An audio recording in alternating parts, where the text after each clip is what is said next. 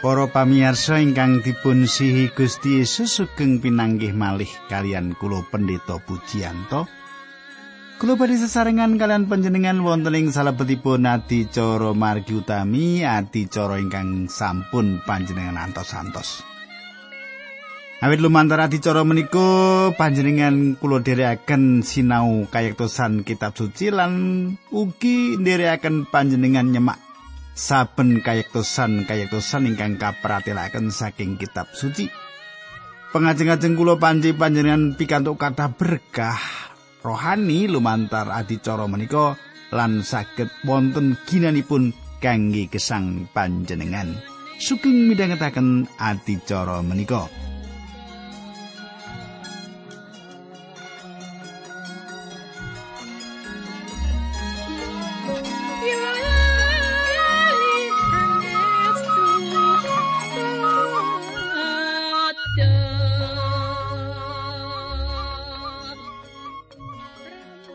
Para pamirsa kula suwun panjenengan tasih kemutan menapa ingkang kula aturaken nalika pepanggihan kepengker kita sampun nyemak patinipun Hizkia lan Manase larinipun ingkang gantosi piyambakipun dados raja. Lan badhe kita lajengaken nanging monggo kita tumungkul kita ndedonga sesarengan. Dukan jero mang swarga kawula ngaturaken gunging panuwun menawi wekdal menika kawula saged tetunggilan kalian sederek-sederek kawula. Lan kawula nyuwun supados paduka bikak manah kawula. Kanthi makaten pangandikan paduka menika saged dados berkah. Lan kawula saged sinau babakan-babakan kayatosan ingkang kapratelaken saking kitab suci menika. Dinambaran asmanipun Gusti Yesus Kristus kawula netunggal haleluya amin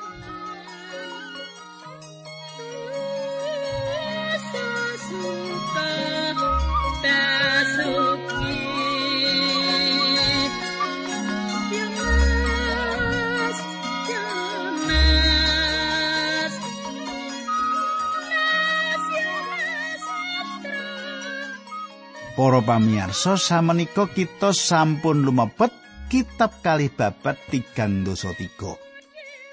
Kita sampun lumebet kitab kalih babat tigang dosa tiga. Kados ingkang sampun kita semak. Raja Hizkia nandang sakit ngantos meh pecah nanging sampun tetunggo dumateng Gusti Allah. Lan Nabi saya sampun detungo kalian piyambakipun Gusti Allah paring panjang yuswa dumugi kang 11 taun. Wonten sawetawis perkawis ingkang perlu dipun katosaken ingkang kawitan ing yuswa ingkang kapanjangaken menika Raja Hizkia tumindak bodho kanthi mameraken sedaya bondo dunyanipun dumateng utusan Raja Babel. Patrapipun menika mbikak wewengan Raja Nebukadnezar taun-taun salajengipun ngrebut kita menika. Raja Nebukadnezar mangertos ing pundi emas menika dipun simpen lan Raja Nebukadnezar ngrebut peksa emas menika dados godha bangsa Babel dumugi ing Israel lan mendet emas menika. Kaping kalih Panjenengan katasaken ing mriki manase umuripun 12 taun ing wekdal nyepeng pusaraning praja. Ateges piyambakipun lahir ing wekdal Raja Hizkia dipun panjangaken umuripun. Manase menika kalebet raja ingkang paling awon ing antawisipun sedayanipun. Ing jaman piyambakipun nyepeng panguwaos dumados satunggalipun kahanan bilih tiang boten tepang Gusti Allah ngantos Gusti Allah nderek cawe-cawe. Cepi panjenengan semak ayat tunggalan kalih kula waosaken. Nalika Manase dadi raja ing Yerusalem yuswane rolas taun lan lawase dadi raja seket limo taun. Manase gawe dosa ing ngarsane Allah merga manut padatan-padatan nolo sing dilakoni dening para bangsa sing ditundung dening pangeran saka tanah Kanaan. Nalika wong Israel mlebu ing tanah kuno, para pamirsa, menapa menika mboten aneh? Menapa menika mboten aneh? Raja Hizkia menika raja ingkang sae lan mimpin bangsa menika tumuju kebangunan rohani nanging larenipun minggah dampar lan dados raja ingkang awon sanget. Kulo saged mangertos king menapa wonten nem-neman ingkang balela dumateng menapa kemawon lan medal makaten kemawon saking griyanipun saged ugi jalaranipun kekalih-kalihipun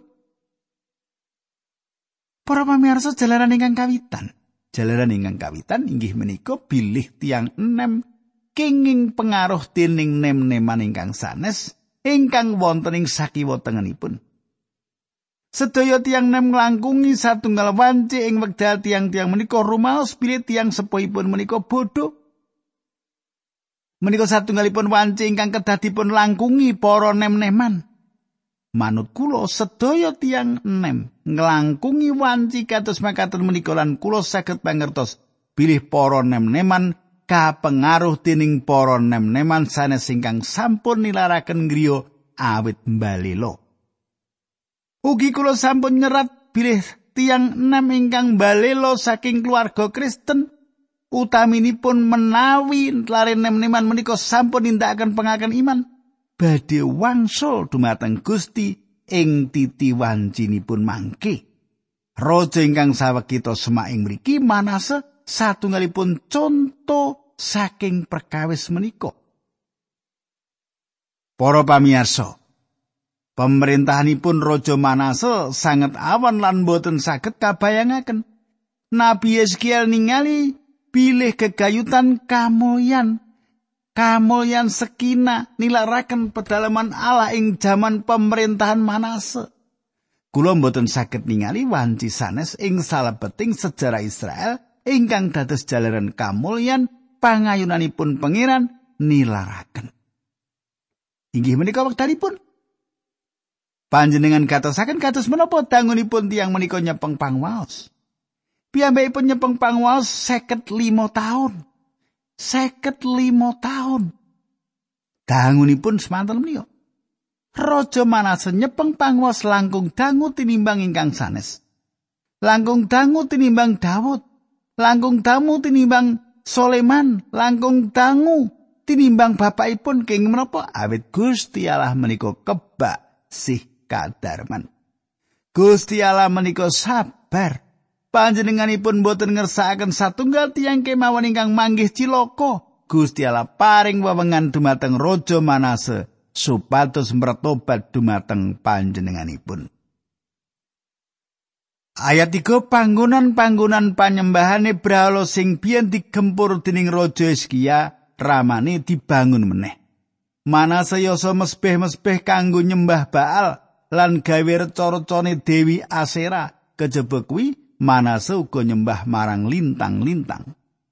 Para pamirsa, Raja Manase nindakaken brahala ageng-agengan. Nyembah brahala ageng-agengan. Piyambakipun babar pindah sami awonipun kalian Raja Ahab lan Isabel ngibadah dumateng brahala. Cobi kita lajengaken ayat sekawan ngantos gangsal. Pangeran wis ngendika yen Yerusalem kuwi selawase dadi papan pamujan marang Allah. Nanging Raja Manase ya semespeh-mespeh ana ing pedalemane Allah kanggo dewa-dewa. Ing platarane pedalemane Allah karo pisan Manase ngedekake mespeh-mespeh kanggo nyembah marang lintang-lintang. Para pamirsa, panjenengan katosaken Raja Manase mbangun ing salebetipun pedaleman Allah ing Yerusalem papan manembah dumateng lintang-lintang ing langit. Ayat 6 malah putra-putrane digawe kurban hubungan marang para dewa ing lebak Ben Hinom. Manase yo nindakake ilmu tenung, ilmu nujum, ilmu gaib lan jaluk pituduh marang roh-roh. Kuwi kabeh dosa gedhe ana ing ngarsane Allah, mulane gawe dukane Allah. Para pamirsa piyambakipun nindakaken pangibadah dumateng samukawis jinis brahala. Raja Manase ugi ngginakaken mantra, sihir lan gegayutan klan roh-roh. Jaman samenika sesarengan gerakan ingkang nyurung tiang bertobat dumateng Gusti Allah. Kita ugi ningali tiang ingkang miwiti mujo dumateng setan.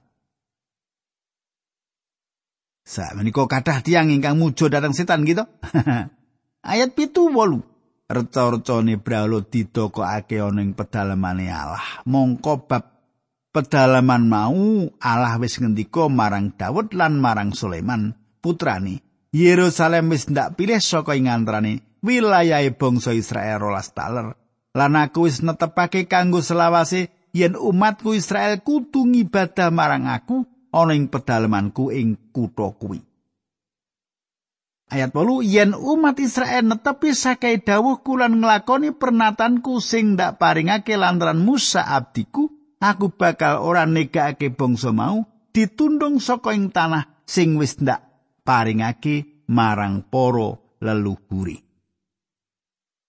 Para pamirsa Gusti Allah paring janji pilih menawi tiang purun manembah panjenenganipun lan setya dumateng panjenenganipun panjenenganipun badhe berkahi tiang menika panjenengan gatosaken menapa ingkang dipun tindakaken raja Manase dumateng Yehuda. Ayat 9 lan 10 Manase njalari rakyat Yehuda gawe dosa ngluwi dosane bangsa-bangsa kenaan sing dek biyen ditundung dening pangeran nalika umat Allah mlebu ing tanah kuno. Gusti Allah ngimutake marang Manase lan rakyate nanging padha ora direwes. Para pamirsa, panjenengan saged ngerasaken yakin bilih ing wekdal tumugi ing papan menika Gusti Allah badhe makaryo. Ayat 11 rolas telulas. Makaten suraosipun. Mulane pangeran nuli nekakake para panglimane tentara Asur ngrebut tanah Yehuda.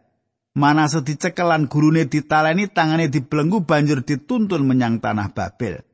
Sajroning nandang sengsara mau Manase ngasorake awake ana ngarsani Allah lan ndedonga nyuwun pitulungan. Allah miyarsakake pandungane lan ngulihake Manase menyang Yerusalem dadi raja meneh. Mergo anane kanan mau Manase yakin temenan yen pangeran kuwi Allah. Para pamirsa. Tiang menika Manase menika pikantuk satunggalipun pengalaman ingkang ngidapi-dapi. Gusti Allah saestu sabar ngadepi tiyang menika. Gusti Allah ngintunaken kangiran kata sanget dumateng piyambakipun. Raja Manase ditawan minangka tiyang buangan ing Babel. Lelampahan menika dados satunggalipun pemut dumateng bangsa menika bilih menika Gusti Allah siap ngintun dhateng papan pambujalan awit saking dosa bangsa menika ingkang boten wonten empunipun. Ing wedha raja Manaseng ngraosaken kangelan ingkang awrat kanthi jujur piyambakipun wangsul dumateng Gusti Allah. Gusti Allah paring pangapunten atas dosanipun lan Gusti Allah mulihaken gesangipun. Ing wekdal piyambakipun wangsul dhateng Yerusalem, piyambakipun bucal sedaya dewa-dewa moncolan brahala-brahala saking pedalamanipun Gusti Allah ing Yerusalem. Piyambakipun ugi ndandosi pedalamanipun Gusti Allah lan misungsungaken kurban obaran ing mriku. kula lajengaken ayat pitulas. Senajan rakyat isih padha nyaosake kurban ana ing papan-papan liya nanging kurban mau kunjuk marang Allah. Para pamirsa kanthi tembung sanes bangsa menika mboten nate saestu-estu wangsul dumateng Gusti Allah. Nanging bangsa menika tasih misungsungaken kurban ing gumuk-gumuk pangorbanan. Kita saged ugi sampun nglokro ngadepi raja Manase. nanging Gusti Allah mboten nate nglokro. Gusti Allah mireng menapa ingkang dados pandunganipun Raja Manase menika. Samenika ayat selikur, makaten surasipun. Nalika dadi Raja Yehuda ana ing Yerusalem amon yuswa 22 taun, suwene dadi raja rong taun. Para pamirsa, piyawon ingkang sampun dipun tindakaken Raja Manase wonten akibat kangge nem-neman ingkang dados larinipun menika. Kulo saged mangertos kenging menapa larenipun nindakaken piyawon kados ingkang dipun tindakaken lare-lare ingkang langkung sepuh tambah gesanging salebetipun dosa. Ayat 23 nganti 23. Ora beda karo ramane amun gawe dosa marang Allah lan nyembah berhala sing disembah dening ramani. Nanging beda karo ramane amun ora ngasorake awake lan ora bali ngabekti ing Allah malah dosane ngungkuli ramani. Para pamirsa amon nindakaken kados ingkang sampun dipun tindakaken bapakipun. Selajengipun pasinan kita lumebeting kalih babat tigang dosa sekawan. Samenika kita pungkasan kebangan rohani ing wekdal Raja Yosia nyepeng pemerintahan. Wekdalipun sampun telat. Wekdal menika inggih menika gangsal menit saderengipun jam 12 dalu ing salebetipun sejarah bangsa menika nanging Gusti Allah tasih ngintunaken kebangunan rohani. Kebangunan rohani menika inggih menika kebangunan rohani ingkang pungkasan ingkang dumados ing papan pambucalan. Yehuda sampun meh dumugi garis pungkasan lan saestu ngumunaken bilih kebangunan rohani menika tasih saged dumados. Kebangunan rohani menika dumados sasampunipun pemerintahan Raja Manase lan Raja Amon. Tiang kalih ingkang njlomprongaken bangsa menika dumateng pangibadah Braholo. Tiang saged ugi gadah pikiran mboten wonten pengajeng-ajeng malih nanging tansah wonten pengajeng-ajeng. Sang Roh Suci tasih kagungan panguwas ing perkawis kebangunan rohani menika. Samenika kita nyemak ing Yosia lan nyemak kados pundi Gusti Allah ngagem piyambakipun kanthi ngedapi-dapi. Samenika kula badhe maosaken kalih babat 300 sekawan ayat setunggal lan kalih. Nalika dadi raja Yehuda Yosia yuswa wolung taun lawase dadi raja ing Yerusalem telung puluh siji taun. Yosia tumindake gawe renaning penggali pangeran niru raja Daud leluhure sarta nglampahi sakai pernatan Allah kelawan terusing ngati. Para pamiyarsa, Yosia nindakaken menapa ingkang leres wonten pamirsanipun Gusti. Saestu leres ingkang dipun ngendikaken Gusti Allah leres menika leres. Lan ingkang dipun ngendikaken Gusti Allah lepat, ya menika inggih lepat. Emut pilih Gusti Allah kemawon ingkang misahaken antawisipun padang kalian peteng. Panjenengan lan kula mboten saged nindakaken perkawis menika kita saged mlebet ing satunggalipun ruangan lan gesangaken lampu ing mriku lan peteng ingkang wonten ing ruangan menika ical. Kita mboten saged misahaken padang kalian peteng menika kita mboten saged damel garis sing antawisipun padang lan peteng. Gusti Allah saged nindakaken perkawis menika lan Gusti Allah saged ngendikan menapa ingkang leres lan menapa ingkang lepat. Para pamirsa, samenika kita lajengaken ayat 3 makaten surasipun. Sawise dadi raja wolung taun Yosia senajan isih timur wiwit manembah marang Allah sing disembah dening raja Daud leluhure. Lat patang taun panjenengan wiwit ngempuri papan-papan panyembahani Brahala ngrusak arca-arcane Dewi Asera lan Brahala-brahala liyani. Para pamirsa ing taun kaping 8 saking pemerintahanipun, Yosia umur 16 taun, piyambakipun wiwit madosi Gusti Allah. Raja Yosia nembe umur 16 taun wekdal piyambakipun madosi Gusti Allah. Ing wedal umuripun kalih dosa taun piyambakipun ngawontenaken ewa-ewaning Yehuda. Panjenengan semak reformasi utawi ewa-ewan badhe dados jalaran ewa-ewahan. Kados ingkang sampun kula aturaken. Ing wedal dosa-dosa panjenengan dipun apunten, panjenengan badhe ngangkat papan patileman panjenengan lan panjenengan mlampah, panjenengan badhe mlampah nebih saking dosa-dosa panjenengan menawi panjenengan saestu-estu mertobat. Menawi kebangunan rohani nempuh kita ing jaman menika kita mboten badhe nglampahi perkawis pegatan utawi ewa-ewan babakan sek. Kita badhe nyemak ewa-ewan ingkang ngidapi-dapi dumados. Gusti Allah saged nindakaken perkawis menika lan panjenengan saged ugi badhe nindakaken ewa-ewan menika. Perangan pangandikanipun Gusti menika saged dados satunggal pandereng ingkang ageng dumateng kita. Raja Yosia menika satunggalipun reformer utawi tiang ingkang ngawontenaken ewa-ewahan ingkang boten gadah raos ajri. Sesampunipun piyambakipun nyucakaken kerajaan sisih kidul inggih menika Yehuda bangsanipun piyambakipun kisah ndugani talar-talar Israel ing kerajaan sisih ler. Samenika kita lajengaken ayat 8.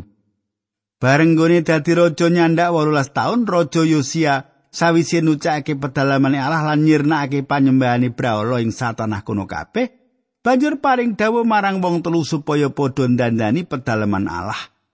Wong telu mau ya kuwi Safan bin Asalia, Masya Gubernur Yerusalem lan Yuah bin Yuas, pegawe sing dhuwur pangkate. Para pamirsa, Ewedar Raja Yosia umur 26 tahun. Piyambakipun wiwit ndandosi pedalaman Allah.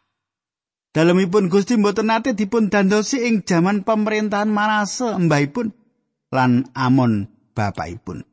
Samenika ayat 9. Para wong Lewi sing jaga ing lawang-lawange pedalemane Allah padha masrahake dhuwit nggone nglumpukake marang Imam Agung Hilkia, dhuwit mau ditampa saka wong Efraim lan Manase lan saka rakyat liyane ing kerajaan sisih lor sarta saka brayat Yehuda, brayat Benyamin lan rakyat Yerusalem. Para pamirsa, Manase lan Efraim sampun tentu kemawon kalebet perangan taler bangsa Israel. Ing wekdal menika kerajaan sisih ler sampun dipun beto ing papan pambucalan ing Asur. Namung kantun sawetawis tiyang Israel ingkang kantun ing mriku, taler-taler bangsa menika ingkang kita pirengaken minangka taler-taler ingkang ical. Mesti kemawon boten ical ing wekdal menika awit taler menika ngintunaken arta kangge ndandosi pedalaman Allah.